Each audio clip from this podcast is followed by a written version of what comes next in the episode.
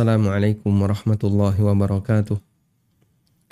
Innal hamdalillah nahmaduhu wa nasta'inuhu wa nastaghfiruh wa na'udzu billahi min shururi anfusina wa sayyiati a'malina. May yahdihillahu fala mudhillalah wa may yudlil fala hadiyalah. Wa ashhadu an la ilaha illallah wahdahu la syarikalah. Wa ashhadu anna Muhammadan abduhu wa rasuluh. يا أيها الذين آمنوا اتقوا الله حق تقاته ولا تموتن إلا وأنتم مسلمون. يا أيها الناس اتقوا ربكم الذي خلقكم من نفس واحدة وخلق منها زوجها وبث منهما رجالا كثيرا ونساء واتقوا الله الذي تساءلون به والأرحام إن الله كان عليكم رقيبا. يا أيها الذين آمنوا اتقوا الله وقولوا قولا سديدا. يصلح لكم أعمالكم ويغفر لكم ذنوبكم. ومن يطع الله ورسوله فقد فاز فوزا عظيما. أما بعد فإن خير الكلام كلام الله وخير الهدى هدى نبينا محمد صلى الله عليه وسلم وشر الأمور محدثاتها فإن كل محدثة في الدين بدعة. Wa kulla bid'atin dalalah wa kulla dalalatin finnar. Alhamdulillahi bi ni'matihi tatimmus salihat. Di pagi hari ini kita akan mengawali sebuah kajian dengan merujuk kepada buku tafsir salat. Yang ini merupakan salah satu di antara buku saya yang saya tulis dalam rangka membantu kita bersama untuk bagaimana memahami tata cara sholat, dan memahami makna sholat secara lahir batin. Dan usia buku ini sudah tepat satu tahun. Karena buku ini ditulis di awal Sya'ban atau di bulan Sya'ban tahun 1441 dan sekarang kita berada di tanggal 2 Sya'ban tahun 1442. Kami berharap dan memohon kepada Allah Subhanahu wa taala semoga Allah memberikan kemanfaatan memberikan manfaat bagi buku ini dan memberikan kemanfaatan bagi umat sehingga kita bisa sama-sama mendapatkan tabungan pahala dari usaha belajar yang kita lakukan. Tayyib, langsung kita akan membuka bagi Anda yang sudah memiliki bukunya Tafsir Salat dengan bentuk seperti ini atau yang edisi pertama yang tulisan judulnya lebih gede. Silahkan Anda buka halaman pengantar dari Dr. Ustadz Syafiq Riza Basalama. Alhamdulillah wassalatu wassalamu ala rasulillah amma ba'du. Salat adalah rukun Islam yang kedua. Salat adalah munajat hamba kepada Tuhannya. Tatkala manusia dibangkitkan dari kubur, digiring menuju padang mahsyar untuk menjalani persidangan, maka yang pertama akan disidak dan pertama yang akan disidik dan dihisap adalah solatnya. Bila solatnya baik, niscaya semua amalannya akan baik. Namun bila tidak, maka apa yang diharapkan kemudian apa yang diharapkan kemudian dari dirinya. Artinya tidak ada yang bisa diharapkan banyak dari dirinya. Dan ada tiga perbuatan yang akan dihisap oleh Allah Subhanahu wa taala pertama kali. Pertama, untuk urusan amal hamba yang pertama kali dihisap adalah sholatnya. Yang kedua, untuk urusan muamalah antara hamba dengan hamba yang lain, yang pertama yang pertama kali dihisap adalah urusan darah.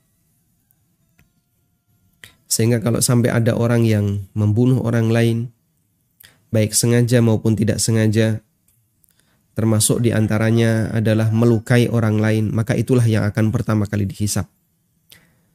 Sedangkan untuk nikmat yang Allah berikan kepada para hamba, maka yang akan dihisap pertama kali adalah air dingin, air jernih yang Allah Subhanahu wa taala berikan kepada kita untuk kita minum, untuk kita konsumsi dan kesehatan yang diberikan oleh Allah Subhanahu wa taala itu kita gunakan untuk apa?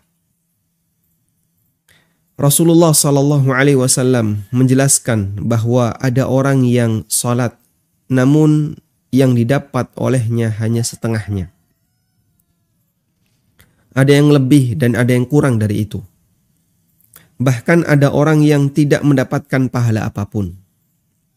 Bukankah merugi sekali tatkala telah bekerja, bersusah payah, namun dia tidak mendapatkan apa-apa? Jawabannya tentu merugi sekali. Namun kenapa banyak orang yang tidak merasa merugi? Itu bagian dari konsekuensi iman. Ketika seseorang menyadari betapa berharganya pahala, maka dia akan sangat merasa rugi ketika dia gagal mendapatkannya. Padahal dia sudah lelah dalam mengusahakannya, lelah dalam bekerja. Tapi ketika orang tidak imannya lemah dalam masalah akhirat, imannya lemah terkait masalah pahala, maka bisa jadi ketika dia kehilangan pahala, dia santai saja. Tidak ada perasaan merugi, tidak ada perasaan kalau dia sebenarnya ada sesuatu berharga yang hilang. Lain halnya kalau sesuatu itu kelihatan. Misalnya keuntungan dagang, keuntungan bisnis. Anda telah mengeluarkan modal, sekian puluh juta bahkan sekian ratus juta, ternyata Anda tidak mendapatkan sesuatu apa pun.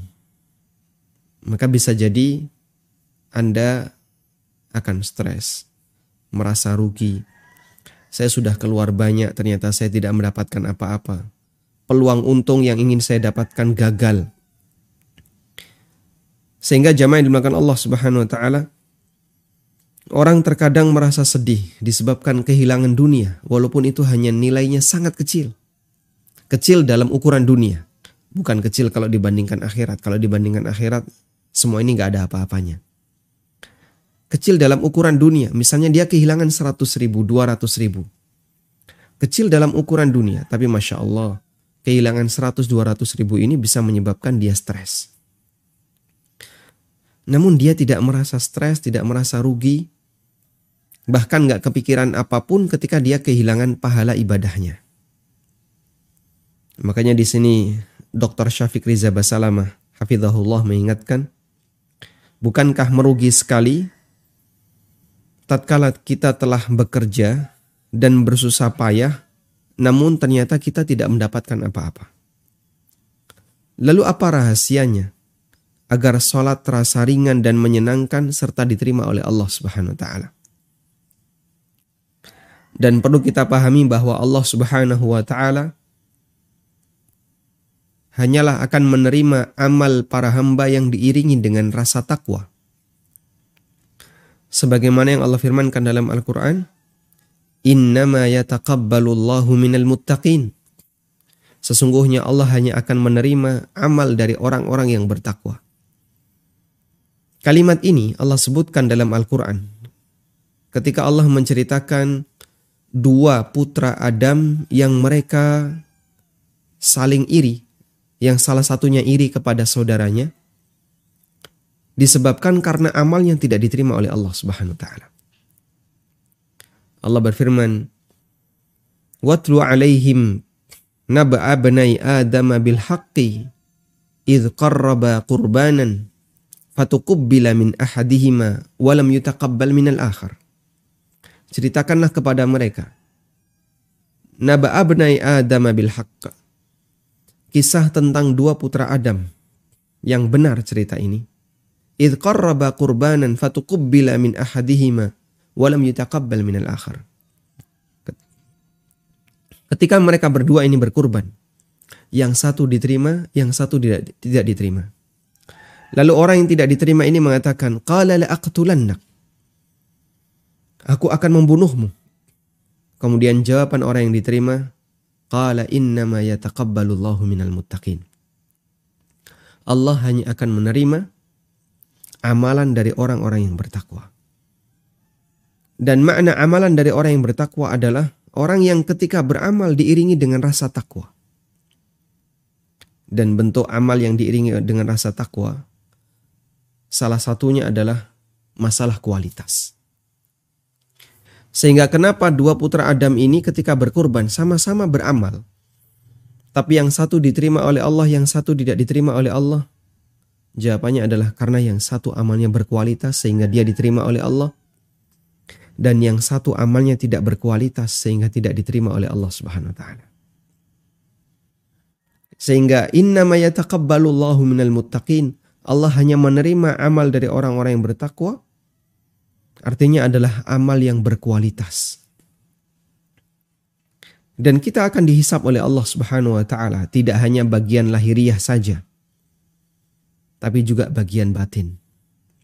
Sebagaimana yang disebutkan dalam hadis riwayat Muslim Nabi sallallahu alaihi wasallam bersabda Inna Allah la yanzuru ila suwarikum ila wala ila amwalikum walakin yanzuru ila qulubikum wa a'malikum Allah tidak melihat muka kalian Allah nggak lihat wajah kita, Allah nggak lihat bagaimana bentuk fisik kita.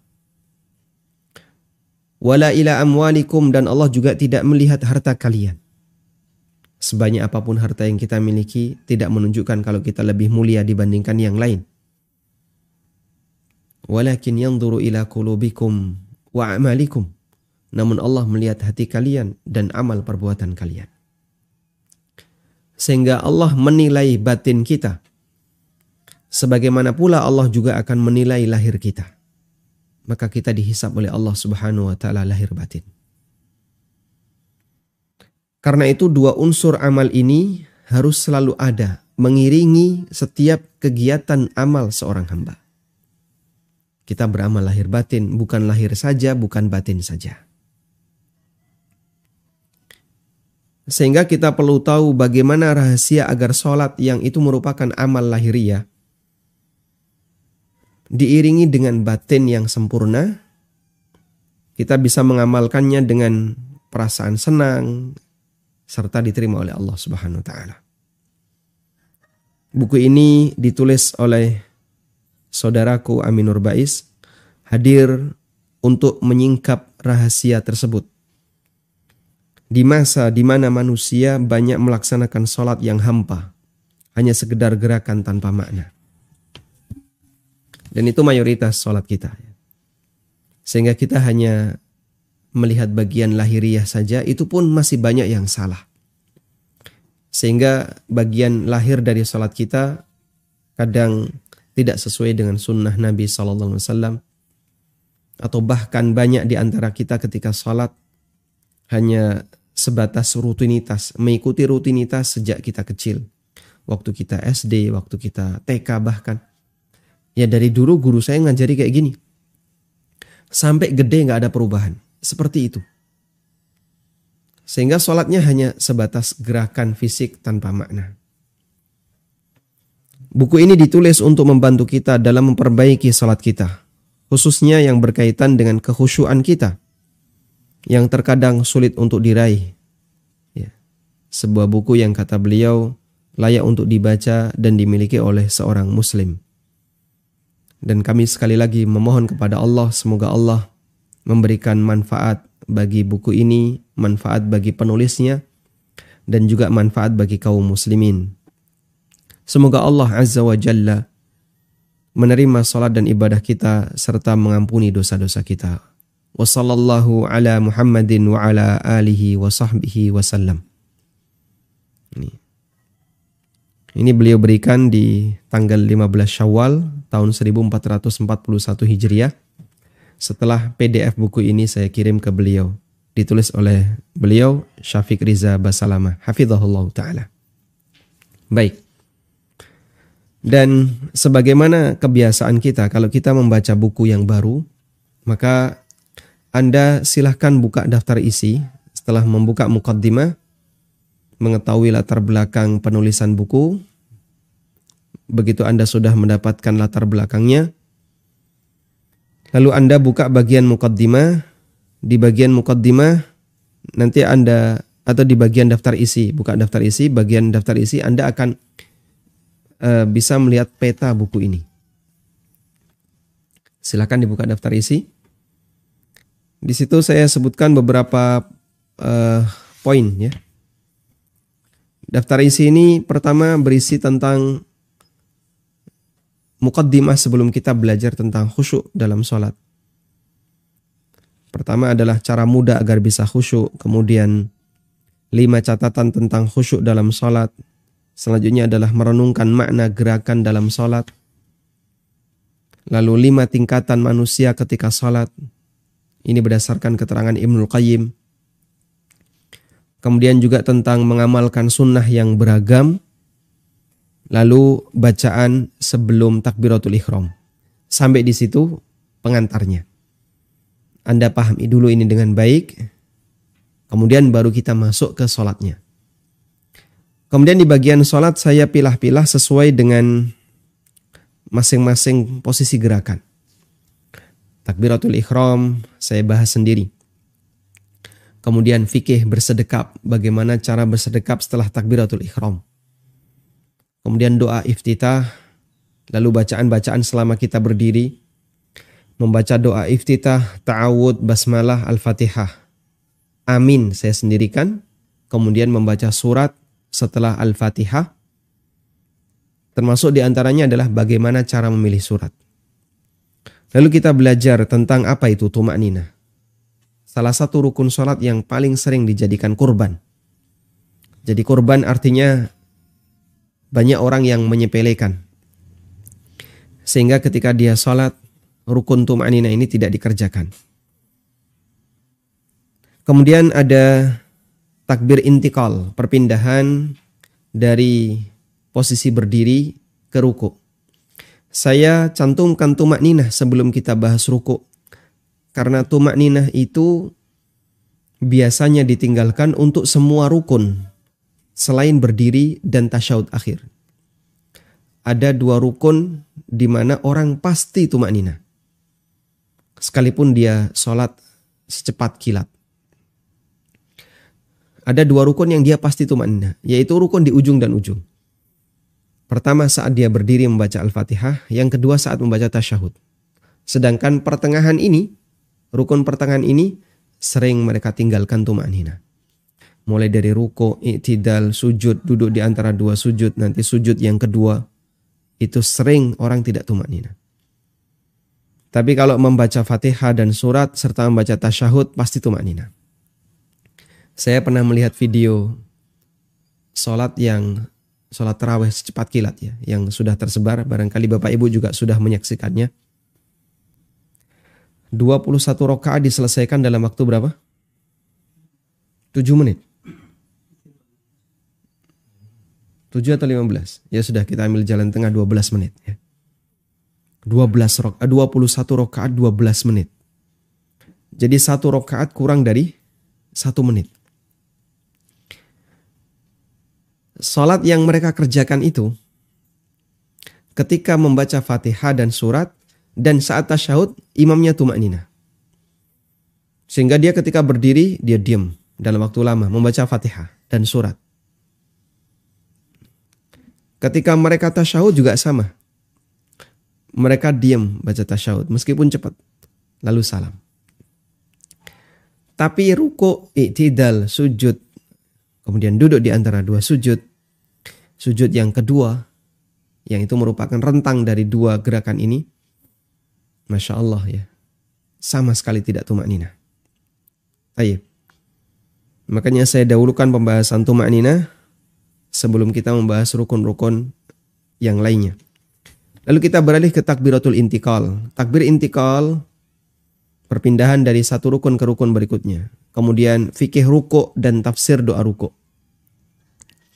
Saya sebut fikih ruku karena dia membahas tentang bagaimana cara ruku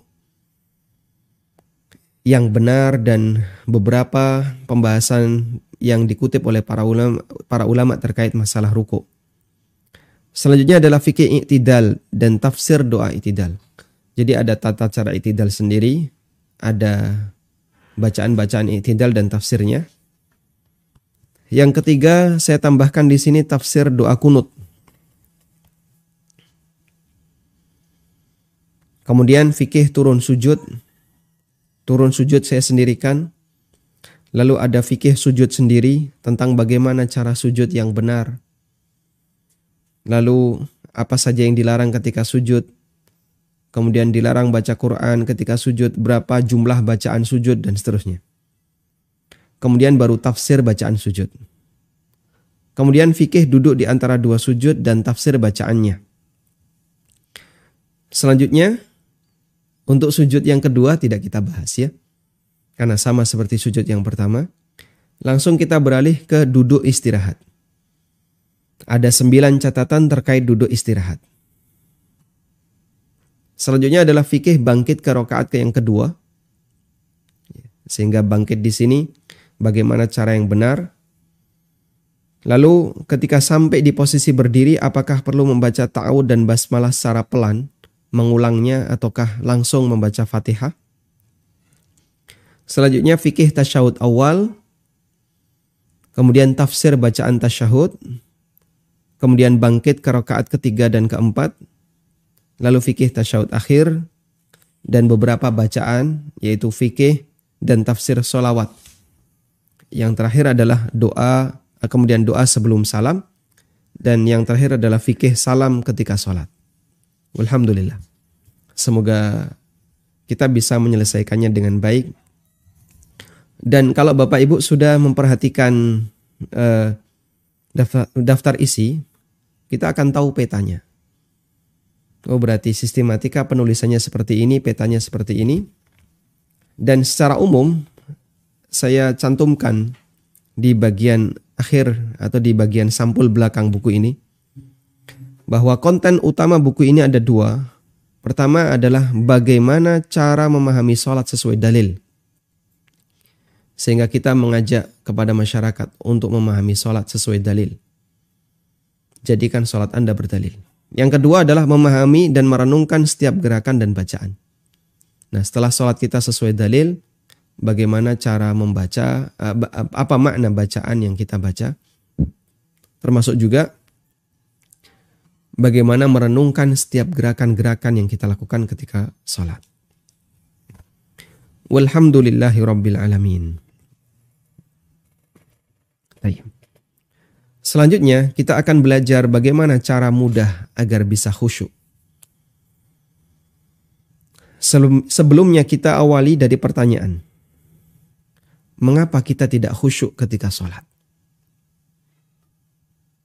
Coba kita perhatikan hadis berikut. Dari Aisyah radhiyallahu anha, beliau menceritakan, Salla Rasulullah sallallahu alaihi wasallam fi khamisatin laha a'lamun fi khamisatin lahu laha a'lam. Nabi Shallallahu Alaihi Wasallam pernah sholat dengan memakai khamisah. Khamisah ya baju seperti yang kita pakai. Ya. Laha a'lamun yang dalam khamisah itu ada a'lam. A'lam di situ adalah corak. Dan bentuknya garis-garis. Ada garis-garis. Bahasa kita lurik ya. Kalau baju baik yang pakai garis-garis itu disebut dengan lurik. Lurik itu beda dengan batik. Kalau batik kan eh, gambar-gambar banyak. Kalau lurik cuman corak tapi bentuknya garis. Fanadhara ila a'lamiha nadratan. Ketika beliau sholat, beliau melihat ke arah luriknya. Nadratan. Beliau melihat ke arah coraknya. Falamma sallama qal ketika salam beliau bersabda, Idhabu bihadhihil khamisah. Idhabu bihadhihil khamisah ila Abi Jaham ibni Hudzaifah. Wa'tuni bi ambijaniyah fa innaha alhatni anifan fi salati. Tolong kembalikan baju ini ke Abu Jaham bin Hudzaifah dan ya, gantikan bawakan untukku kain ambijaniyah ambijaniyah termasuk jenis kain yang lain yang uh, yang enak dipakai ya.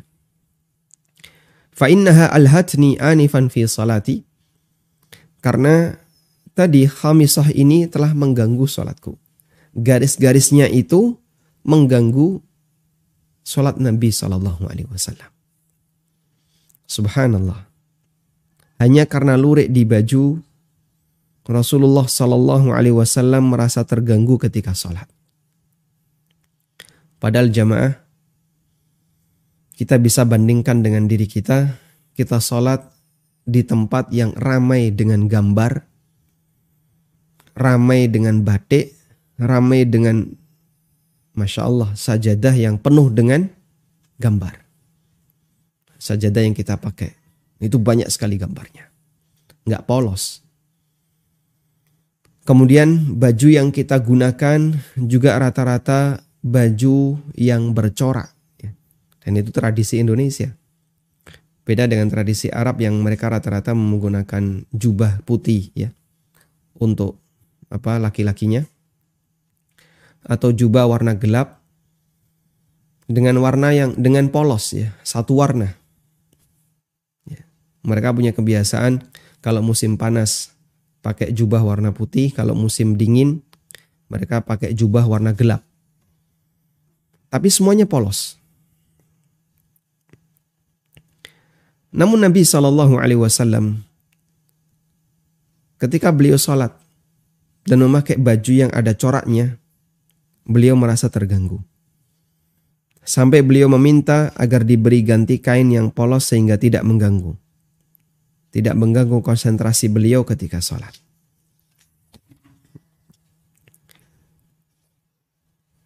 Yang menjadi pertanyaan adalah, mengapa ketika kita sholat kita tidak merasa terganggu. Padahal berkali-kali kita sholat dengan baju batik, sajadah yang penuh gambar, masjid yang penuh ornamen ukiran, belum lagi keramiknya, nanti kadang ada gambar-gambarnya. Namun kita tidak merasa terganggu ketika kita sholat. Mengapa itu bisa terjadi? Apakah karena kita lebih hebat dibandingkan Nabi? Subhanallah, tidak mungkin itu terjadi. Apakah sholat kita lebih khusyuk sehingga tidak terganggu dengan gambar-gambar itu? Suci Allah dari hal ini. Subhanallah. Tidak mungkin itu terjadi. Rasulullah Sallallahu Alaihi Wasallam sholatnya paling khusyuk. Sholat beliau paling khusyuk, tapi beliau terganggu dengan itu. Jawabannya adalah karena masalah konsentrasi. Rasulullah Shallallahu Alaihi Wasallam sangat konsentrasi ketika beliau sedang sholat. Sehingga ketika ada sesuatu yang mengganggu, beliau berusaha untuk menghindarinya. Karena saking konsentrasinya. Sebaliknya konsentrasi kita ketika kita sholat sangat rendah. Sehingga kita tidak perhatian dengan semua yang mengganggu di sekitar kita sholat. Ya. Sebagai ilustrasi, di sini saya sebutkan sebuah ilustrasi ya. Ketika kita sedang ujian matematika untuk kenaikan kelas, kita akan berusaha untuk konsentrasi. Sehingga panitia ujian berusaha mengkondisikan agar suasana ujian dibuat sangat tenang. Karena peserta ujian akan sangat terganggu sekalipun hanya dengan suara kendaraan. Bahkan kadang di depan kelas kan dikasih pengumuman. Harap tenang, ada ujian. Kalau itu ujian UN, ujian negara, yang kelas 1 sampai kelas 5 libur. Yang masuk kelas berapa? Kelas 6 saja. Yang kelas 1, kelas 2 libur, yang masuk kelas 3. Kenapa? Biar adik-adik kelasnya nggak ganggu. Kakaknya lagi ujian UN. Sehingga mereka dibuat fokus, konsentrasi suasana dibuat tenang, gak boleh ada yang ganggu. Lain halnya ketika kita sedang makan di warung dalam suasana santai sambil membaca berita. Meskipun diiringi musik yang keras dan nyanyian yang bersaja indah, kita tidak merasa terganggu. Karena saat kita baca berita, kita tidak sedang konsentrasi. Jadi kita baca dengan santai. Bagi Anda yang membaca berita tidak perlu konsentrasi, berbeda dengan ketika Anda membaca soal ujian. Anda butuh untuk konsentrasi. Artinya, orang kalau konsentrasi, dia butuh suasana tenang, sehingga dia nggak mau kalau ada yang ganggu. Tapi orang kalau nggak konsentrasi, nggak perlu tenang, karena dia nggak konsentrasi. Nah seperti itulah kondisi sholat kita. Karena itu keseriusan seseorang dalam melakukan sesuatu berbanding dengan tingkat konsentrasinya. Semakin Anda berkonsentrasi, berarti Anda akan semakin khusyuk dalam mengerjakannya. Itu artinya Anda semakin serius. Sebaliknya kalau Anda nggak serius, ya biasanya nggak konsentrasi. Kadang kan kayak gitu ya. Kalau kita ujian untuk materi yang mudah untuk kita kerjakan, biasanya apa? PPKN ya. Ujian PMP, Pendidikan Moral Pancasila. Atau PPKN. PPKN itu Pendidikan Pancasila dan Kewarganegaraan. Ya, biasanya ujian kayak gini kan prinsip kita gini. Jawabannya mirip-mirip, Pak. Ya, pokoknya cari jawaban yang paling panjang itu yang benar. Dulu kita diajari seperti itu. Yang paling panjang itu yang yang benar karena mirip-mirip. Baik. Karena kita merasa ini ujian yang mudah, maka biasanya ketika kita mengerjakan, ya kita kerjakan dengan santai.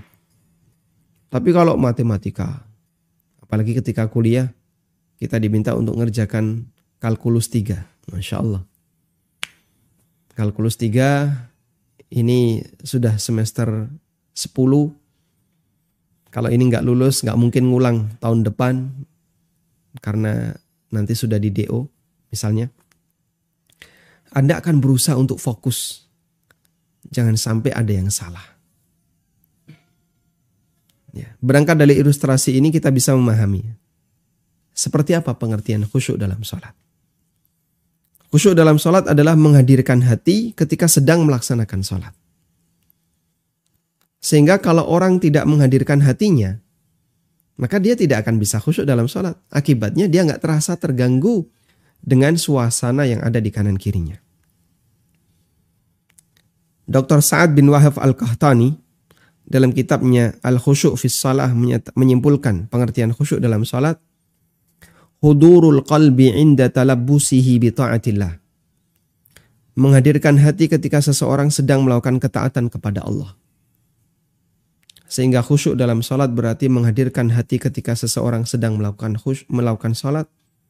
Khusyuk ketika membaca Al-Quran berarti menghadirkan hati ketika seseorang sedang membaca Quran. Khusyuk ketika tawaf berarti menghadirkan hati ketika seseorang sedang tawaf dan seterusnya. Khusyuk saat zikir berarti Anda fokus menghadirkan hati ketika Anda sedang zikir. Sehingga khusyuk dalam kegiatan ibadah tertentu adalah fokus dengan ibadah yang sedang dia kerjakan. Dia beribadah lahir dan batinnya. Definisi khusyuk semacam inilah yang dijelaskan oleh Ibnu Abbas radhiyallahu anhu di mana beliau mengatakan laisa min salatika illa ma aqalta minha. Pahala dari salatmu hanya senilai apa yang kamu pikirkan dari salatmu. Laisa min salatika. Kau tidak mendapatkan pahala dari salatmu illa kecuali ma'aqalta minha. Apa yang kamu pikirkan dari salatmu. Sehingga kalau pikiran kita terbang melayang ke mana-mana, kita tidak memikirkan apa yang sedang kita kerjakan dalam salat kita, maka menurut Ibnu Abbas nggak ada nilai pahalanya.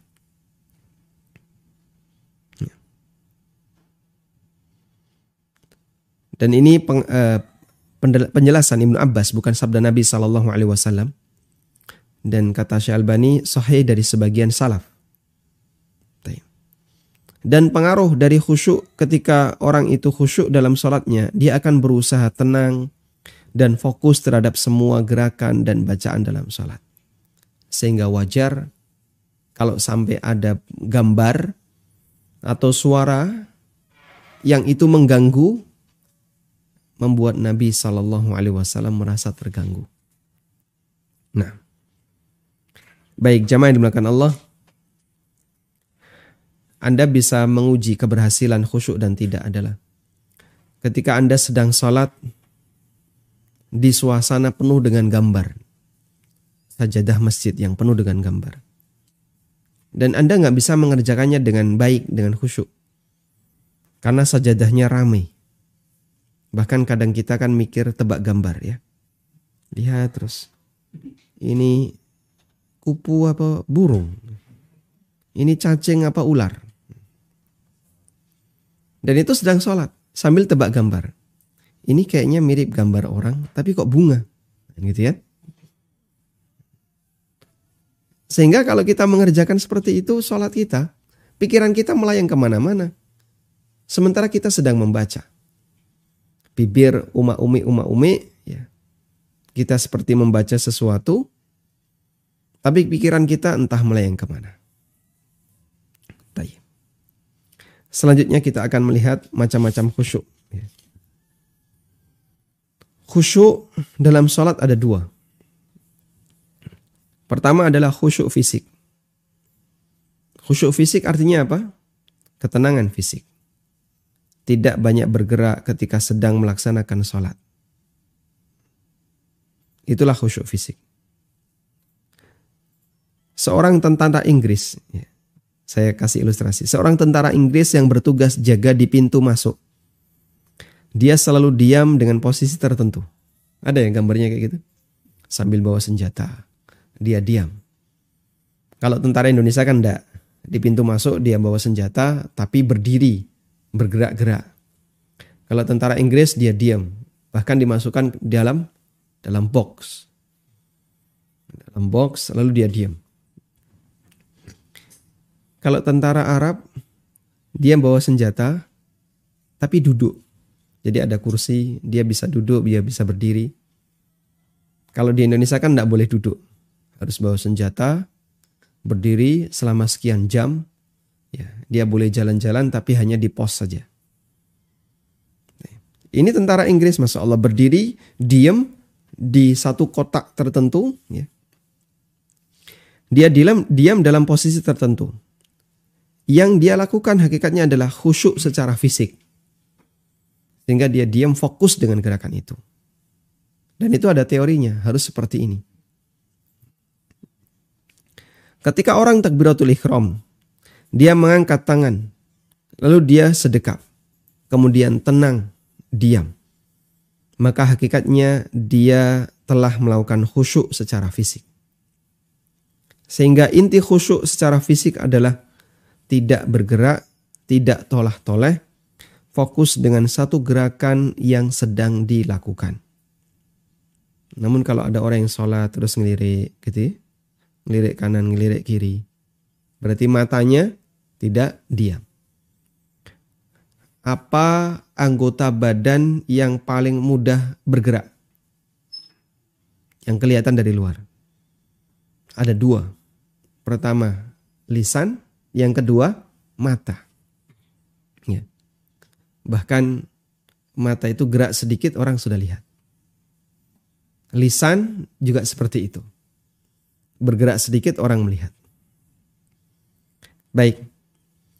Khusyuk fisik yang diajarkan dalam sholat itu khusyuk anggota badannya dan bahkan termasuk matanya sehingga mata seorang hamba diminta untuk diarahkan di satu titik yaitu tempat sujud. Maka dia nunduk ke bawah. Melihat ke arah satu titik. Cuman kadang mata kita nggak sabar ya. Terus agak naik dikit. Gajah duduk. Kadang naik lagi ke sebelah. Oh mangga dua. Gitu ya. Merek sarungnya yang dilihat. Yang bahaya kalau melihat ke atas. Wah, gambarnya lucu. Kadang tulisan-tulisan di kaos-kaos tuh lucu-lucu ya itu dieja orang ketika sholat. Makanya jamaah jangan ganggu orang ketika sholat dengan pakai baju seperti ini, pakai kaos seperti ini. Khusyuk secara fisik secara umum lebih mudah untuk dilakukan. Sampai pun orang yang sama sekali tidak paham tidak paham dengan semua bacaan dalam sholat, selagi diam fisiknya berarti dia khusyuk secara fisik. Karena itu, suka melirik atau tolah-toleh dalam sholat disebut sebagai pencurian dalam sholat. Karena dia mengurangi kualitas khusyuk fisik. Aisyah radhiyallahu anha pernah mengatakan, Sa'altu Rasulullah sallallahu alaihi wasallam anil iltifati fi salati. Aku pernah bertanya kepada Nabi sallallahu alaihi wasallam menoleh ketika salat. Faqala huwa ikhtilasun yakhtalisuhu asyaitanu min salatil abdi. Itu adalah pencurian yang dilakukan oleh setan. Sambaran setan untuk menoleh, untuk mencolek sholatnya seseorang hamba. Ikhtilas, ya, itu seperti mencopet itu ya. Sehingga setan mencopet sholatnya hamba dengan cara dia dibuat tolah-toleh ketika sholat. Ini khusyuk secara fisik. Dan Masya Allah orang Indonesia pintar-pintar khusyuk secara fisik. Sehingga bahkan kalau kita bandingkan dengan sholatnya orang-orang Mesir mungkin ya. Atau orang dari negeri yang lain. Ketika di Masjidil Haram atau Masjid Nabawi. Insya Allah sholatnya orang Indonesia paling bagus secara fisik. Sehingga dia ketika sholat sedekap anteng dia yang mungkin bisa jadi sampingnya ada orang yang ketika sholat dia kadang mainan baju, dia kadang uh, mainan apa misalnya, kadang ada yang jenggotnya dimainin. Ya. Dan ada yang banyak gerak, ada yang bolak-balik membenahi apa ini tutup kepala. Ya. Tapi kalau orang Indonesia di sana, insya Allah rata-rata bagus ya. Dia tenang, diam. Cuman nggak tahu batinnya ya. Apakah melayang ke mana-mana nggak tahu. Selanjutnya, khusyuk batin. Khusyuk batin berarti batinnya fokus memikirkan isi sholat. Tidak berkeliaran, tidak berlarian, tidak memikirkan selain sholat yang sedang dia kerjakan. Batin kok bisa berlari pak? Masya Allah. Batin itu lebih hebat dibandingkan fisik dia bisa tembus tembok. Kan ada orang ada orang ya, misalnya melihat sesuatu lalu dia kepo. Apa di balik itu? Batinnya itu bisa melayang terbang ke sana. Lalu dia punya dugaan-dugaan-dugaan.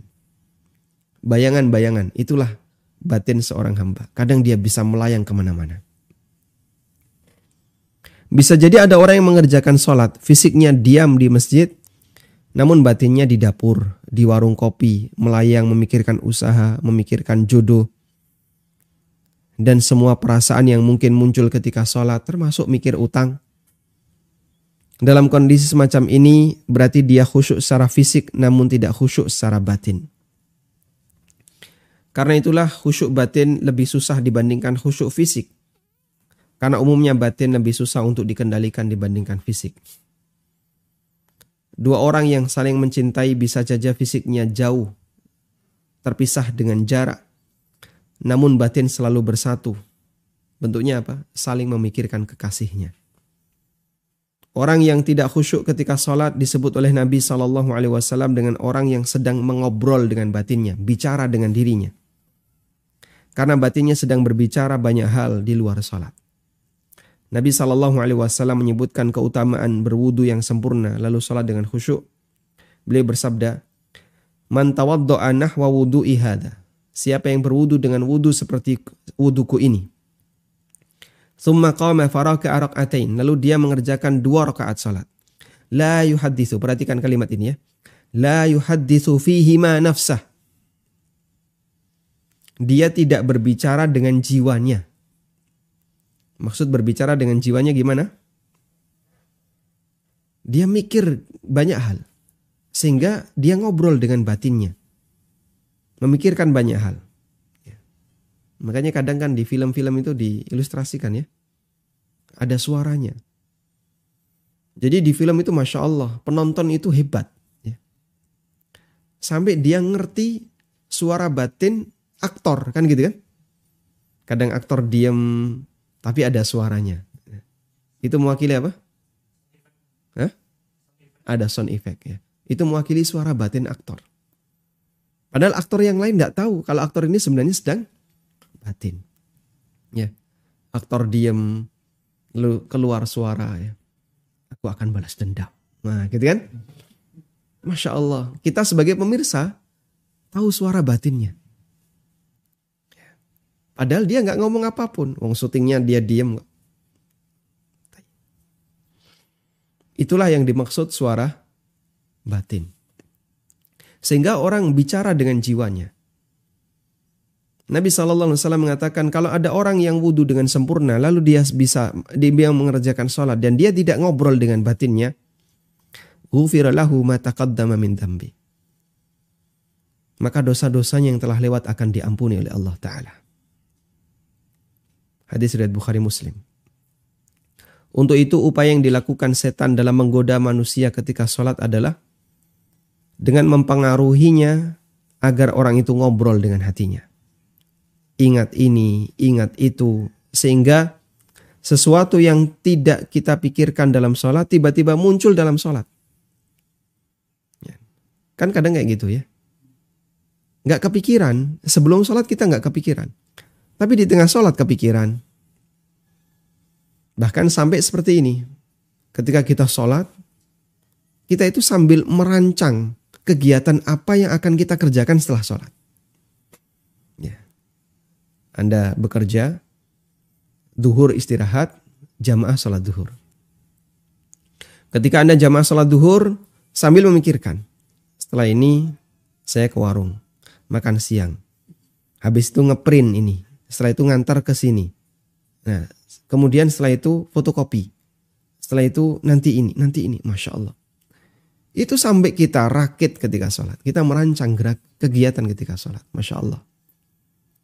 Dan seolah-olah seolah-olah kita jadi orang yang sangat sibuk ketika itu.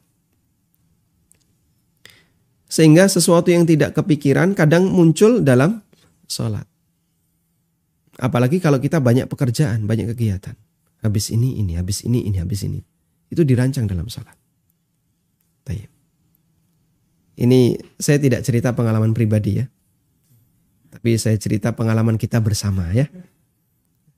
Karena suasana yang terjadi pada batin saya ya kurang lebih mungkin sama dengan apa yang terjadi pada batin para pemirsa. Dari Abu Hurairah radhiyallahu anhu Rasulullah sallallahu alaihi wasallam bersabda, Syaitan hatta la. Ketika adzan dikumandangkan, setan menjauh sambil terkentut-kentut. Durat itu kentut yang bersuara. Kalau kentut yang berperedam namanya fusa. Jadi dalam bahasa Arab kentut itu ada dua. Ada durat, ada fusa. Kalau durat, kentut yang pakai suara. Setan ketika dengar adzan dia lari menjauh dari masjid sambil mengeluarkan kentut yang bersuara hatta la yasma'at ta'din sehingga dia tidak mendengarkan adzan. Fa idza nidaa ketika adzan sudah selesai akbala dia balik lagi. Hatta idza thuwiba bis salah hingga ketika salat itu dikumandangkan iqamah adbara dia pergi lagi. Hatta idza qadat taswib sampai ketika komat itu sudah selesai akbalah dia datang lagi. Hatta yakhtura bainal mar'i wa nafsi. Di saat itulah dia membisikkan dalam hati seseorang yang sedang sholat. Udhkur kada, udhkur kada, udhkur kada. Eh, nanti kan, kamu tadi kan belum ini, kamu belum ini. Loh, kamu tadi kan, kamu tadi ini kok belum selesai. Itu Masya Allah diingat-ingat. Sampai yang nggak kepikiran teringat dalam sholat. Ya. Saya pernah ya, kajian setelah asar jam 4. Ya, rencana kajian itu sudah lama, permintaan dari jamaah sudah lama. Cuman sampai sore itu jamaah belum mengingatkan. Ketika sholat asar, lagi sujud, teringat jam 4 kajian. Insya Allah. Nah itu jasa setan ya. Itu gimana? Sehingga dari mulai pagi sampai adzan asar sampai sholat asar, saya nggak ingat kalau di hari itu ada kajian jam 4. Sujud ketika sholat asar, teringat. Nanti jam 4 ada kajian loh. Yaitu pengaruh dari setan. Seketika itu langsung saya tulis sebuah artikel mengutip keterangan sebagian ulama uh, ulama Hanafiyah. Kalau orang lupa sesuatu, misalnya lupa naruh kunci di mana, lupa uh, apa dompetnya ada di mana, lakukanlah sholat dua rakaat dengan sangat khusyuk. Ya. Terkadang setan mengingatkan perbuatan yang sudah terlupakan. Sehingga eh, dari jalur itu kita terkadang teringat yang sebelumnya terlupakan. Dan ini keterangan sebagian ulama Hanafiyah. Tayyib. Sehingga jamaah yang dimulakan Allah Subhanahu wa taala um, seperti inilah kondisi real ya. Jadi setan mengingatkan kita udzkur kada udzkur kada. Lima lam yakun lima lam yakun yadhkur. Dia mengingatkan seseorang yang sebelumnya tidak kepikiran. Tidak terlintas dalam ingatannya. Hatta yadhalla rajulu la yadri kam sallah hingga seseorang itu lupa berapa jumlah rokaat yang telah dia kerjakan. Karena tadi saking sibuknya dia memikirkan ini, memikirkan ini dan seterusnya. Wallahu taala alam. Tayyib. Dan masih banyak kasus yang lain yang barangkali itu kita jumpai dalam sholat kita. Karena itu ada beberapa hal yang perlu kita perhatikan di sini. Termasuk di antaranya adalah kita perlu tahu bahwasanya sholat itu sudah sangat menyibukkan. Sholat itu sudah sibuk. Dan apa yang perlu kita pikirkan dalam sholat agar kita fokus dalam sholat. Insya Allah akan kita bahas di pertemuan berikutnya. Insya Allah ta'ala. Demikian semoga bermanfaat. Wassalamualaikum ala nabiyina Muhammadin wa ala alihi wa sahbihi wa sallam. Wa akhiru da'wana anilhamdulillahi rabbil alamin.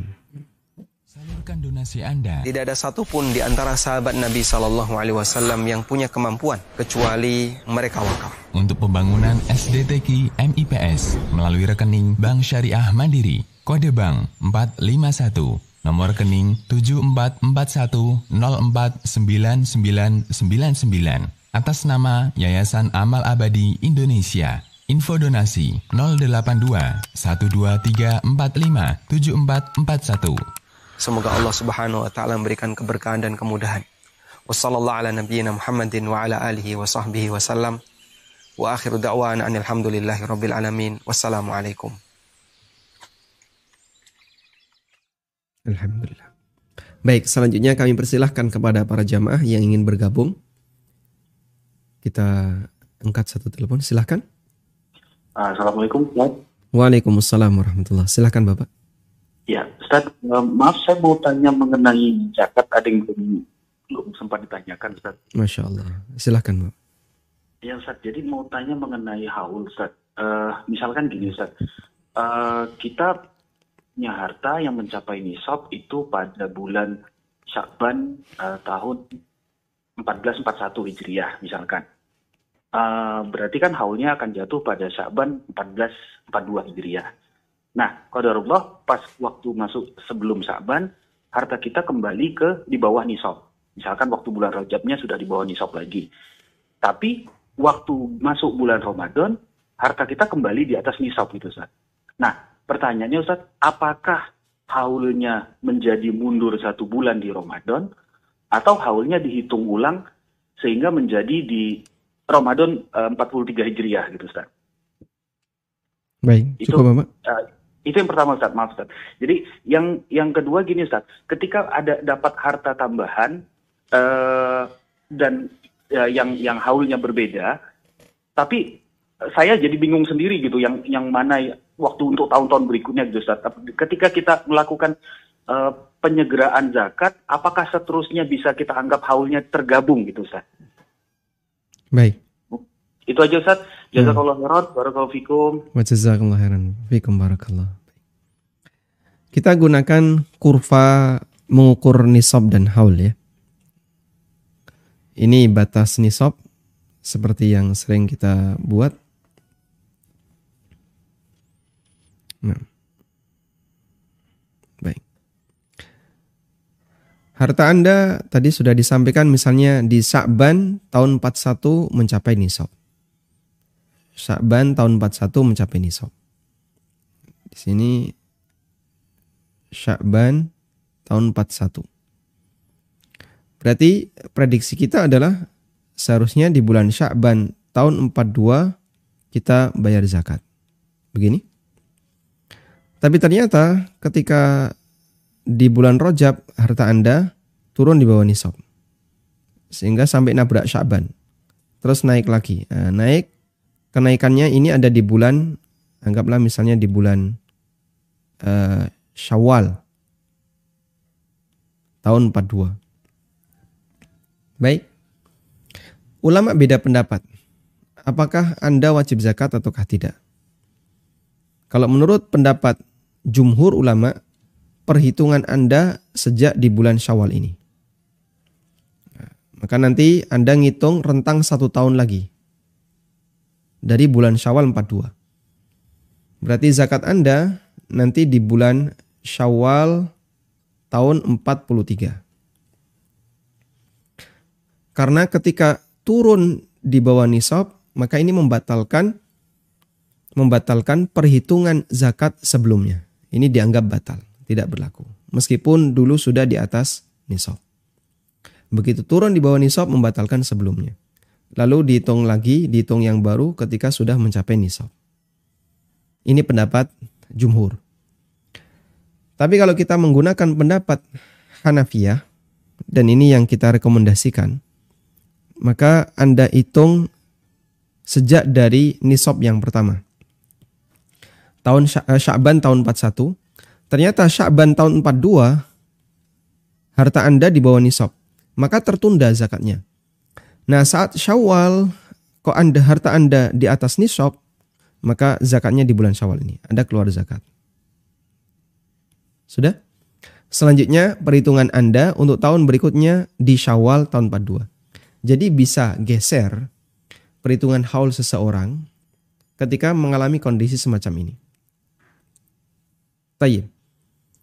Hal yang sama juga misalnya Anda eh, apa? menyegerakan zakat. Sehingga misalnya dalam satu kondisi tertentu Anda mau bayar zakat di bulan atau bayar zakat Anda adalah di bulan di bulan apa misalnya di bulan Jumatitsaniyah ya. Di bulan Jumatitsaniyah ini zakat Anda.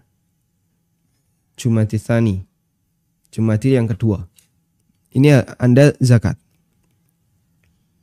Ya. Oh, tapi kalau ini malah menunda ya. Misalnya zakat Anda di bulan Syawal. Zakat Anda di bulan Syawal. Anda harus bayar zakat. Lalu Anda dahulukan ke Ramadan.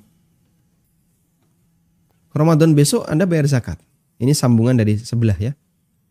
Harusnya di Syawal Anda bayar zakat, tapi Anda dahulukan di Ramadan dan harta Anda sudah di atas nisab. Maka nanti untuk perhitungan selanjutnya Ramadan terus. Karena Anda sudah mindah, Anda sudah geser sehingga selanjutnya Anda bisa bayar zakat di Ramadan, Ramadan dan seterusnya. Wallahu a'lam. Nah. Baik, silahkan. Assalamualaikum. Waalaikumsalam warahmatullahi Ya, akan Ustaz mau nanya. Uh, kalau kita sholat terus sholat subuh itu kan kita gobliyah dulu. Nah, tapi kita setelah wudhu sholat kita tuh lupa kalau mau gobliyah ingatnya sholat subuh. Apa itu langsung bisa kita sholat gobliyah atau langsung sholat subuhnya? Berarti switch ya? Iya, gitu. Nah, terus ini Ustaz, kan kalau kita sholat itu tidak semua kita memahami arti bacaan sholat. Uh, terus uh, apa namanya itu di saat kita baca al-fatihah batin kita ini oh nanti saya baca surah ini. Nah apa itu bisa dibilang tidak khusyuk? Di saat baca fatihah Anda mikir surat yang lain. Surat lain setelah nanti baca al-fatihah. Yang, yang direncanakan untuk dibaca. Oke. Okay. Iya. Nah itu ya gitu aja Ustaz. Jazakallah khairan. Barakallah nah. Jazakallah khairan. Bolehkah switch niat? Ya.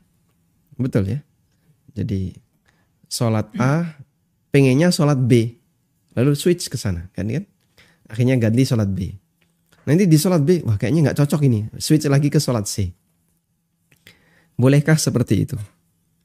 Ini keterangan Imam Ibn Uthaymin. Ya. saya mendengarkan audionya. Ada seseorang yang bertanya kepada beliau rahimahullah terkait switch sholat itu, switch niat ya. Ganti niat dari sholat A ke sholat B atau dari sholat B ke sholat C. Itu boleh ataukah tidak? Kata kuncinya begini. Sholat ada dua. Ada sholat mutlak, ada sholat ya, yang kedua adalah sholat uh, zatul asbab atau yang beliau istilahkan dengan sholat muayyan. Sholat muayyan. Sholat muayyan itu sholat tertentu.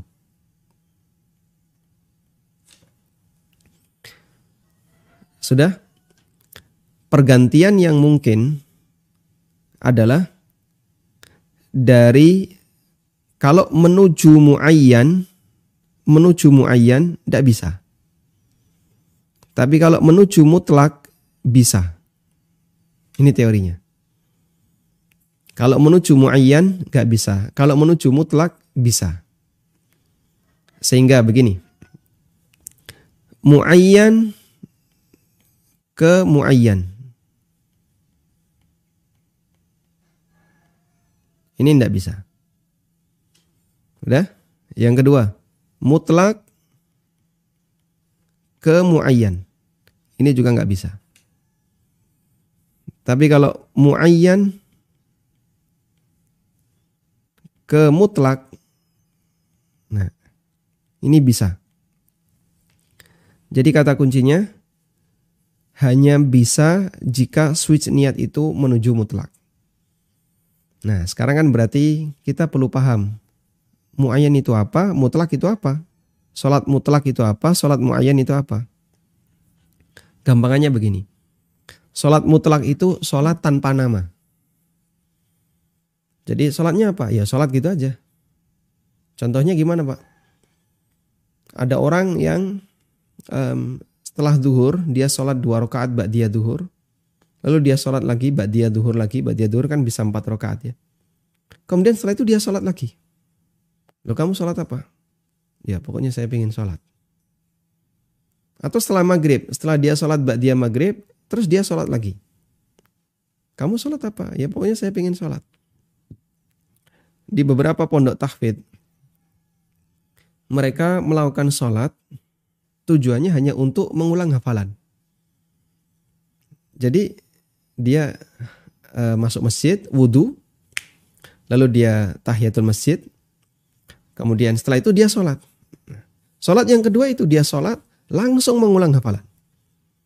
Ya tentu saja baca fatihah ya, baca fatihah dan terus mengulang hafalan. Ya. Sehingga cara santri ini dalam mengulang hafalan itu pakai dipakai untuk sholat. Nanti rakaat pertama misalnya dapat tiga halaman, empat halaman, terus baru ruko. Rokaat kedua, nanti dia dapat sekian halaman baru ruko.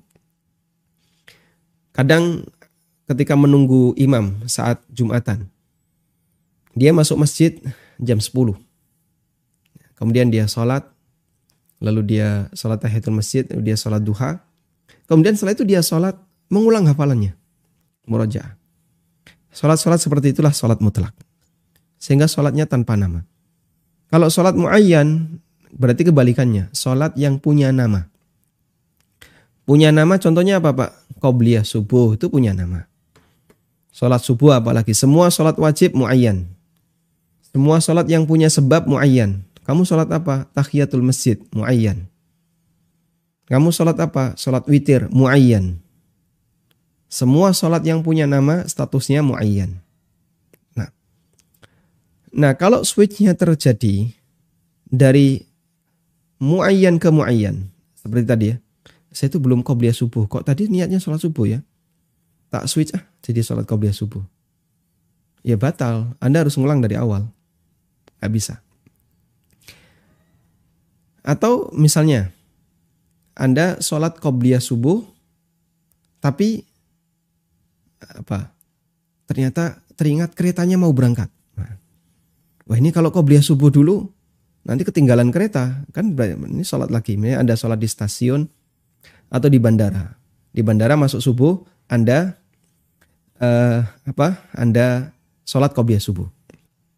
Tiba-tiba boarding call. Saat boarding call itu kan Anda terus perhatikan. Ya.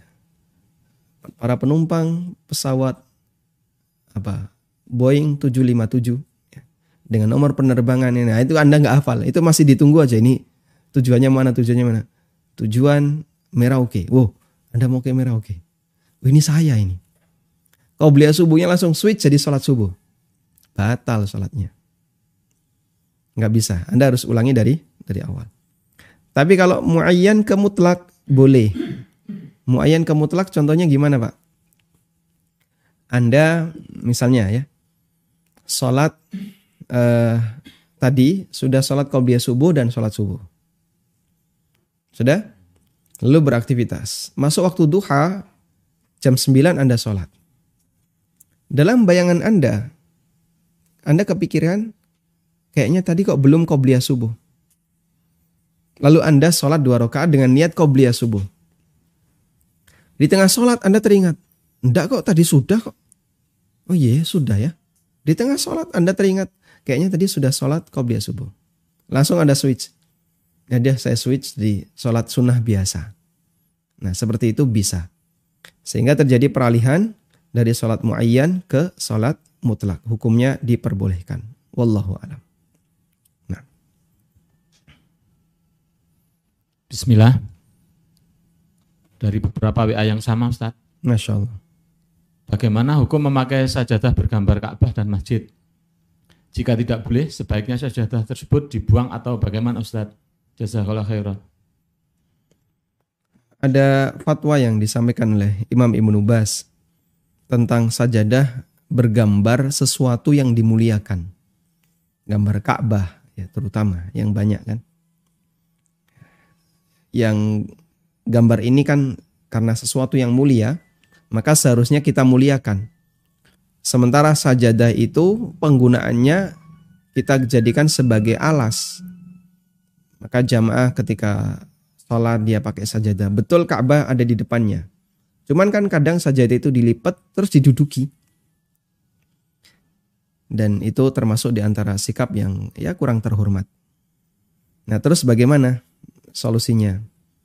Ya ini kesalahan umum di masyarakat dan untuk mencegahnya memang sangat sulit.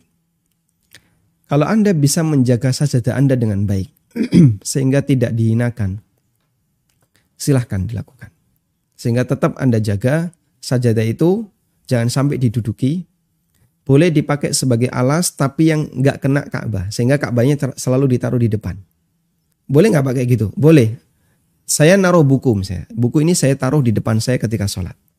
Kan nggak mungkin saya taruh berdiri gini kan? Kalau saya taruh berdiri gini, kena angin, jatuh dia. Maka saya pasti akan tidurkan buku ini. Lalu saya sholat. Buku ini di depan saya. Ketika saya tasyahud, nggak mungkin buku ini saya duduki. Ketika selesai sholat, nggak mungkin buku ini saya taruh di uh, saya taruh di kaki, saya duduki, nggak mungkin. Karena kita tahu buku ini isinya misalnya hadis-hadis, Al-Quran dan hadis. Buku-buku yang lain juga sama. Makanya ditaruh di depan tidak masalah. Kalau sajadah Anda bisa Anda jaga selalu ditaruh di depan, sehingga tidak sampai menduduki bagian yang bergambar Ka'bah, bagian yang dimuliakan, silahkan Anda tetap pertahankan. Tapi kalau ada potensi untuk dihinakan, misalnya dipakai tiduran, kadang diinjak-injak, kadang diduduki, maka sebaiknya Anda ya mungkin bisa dipotong bagian Ka'bah itu dan sisanya masih bisa dipakai. Lalu bagian Ka'bah bisa ditempel di mana misalnya di tembok atau Anda bakar sehingga tidak lagi berbekas. Insya Allah itu yang lebih baik. Wallahu alam. Tayyib, demikian yang bisa kita kupas di kesempatan kali ini. Semoga bermanfaat. Wassallallahu ala nabiyyina Muhammadin wa ala alihi wa sahbihi wa sallam. Wa akhiru da'wana anil hamdulillahi rabbil alamin. Subhanakallahumma wa bihamdika ashhadu an la ilaha illa anta astaghfiruka wa atubu ilaik.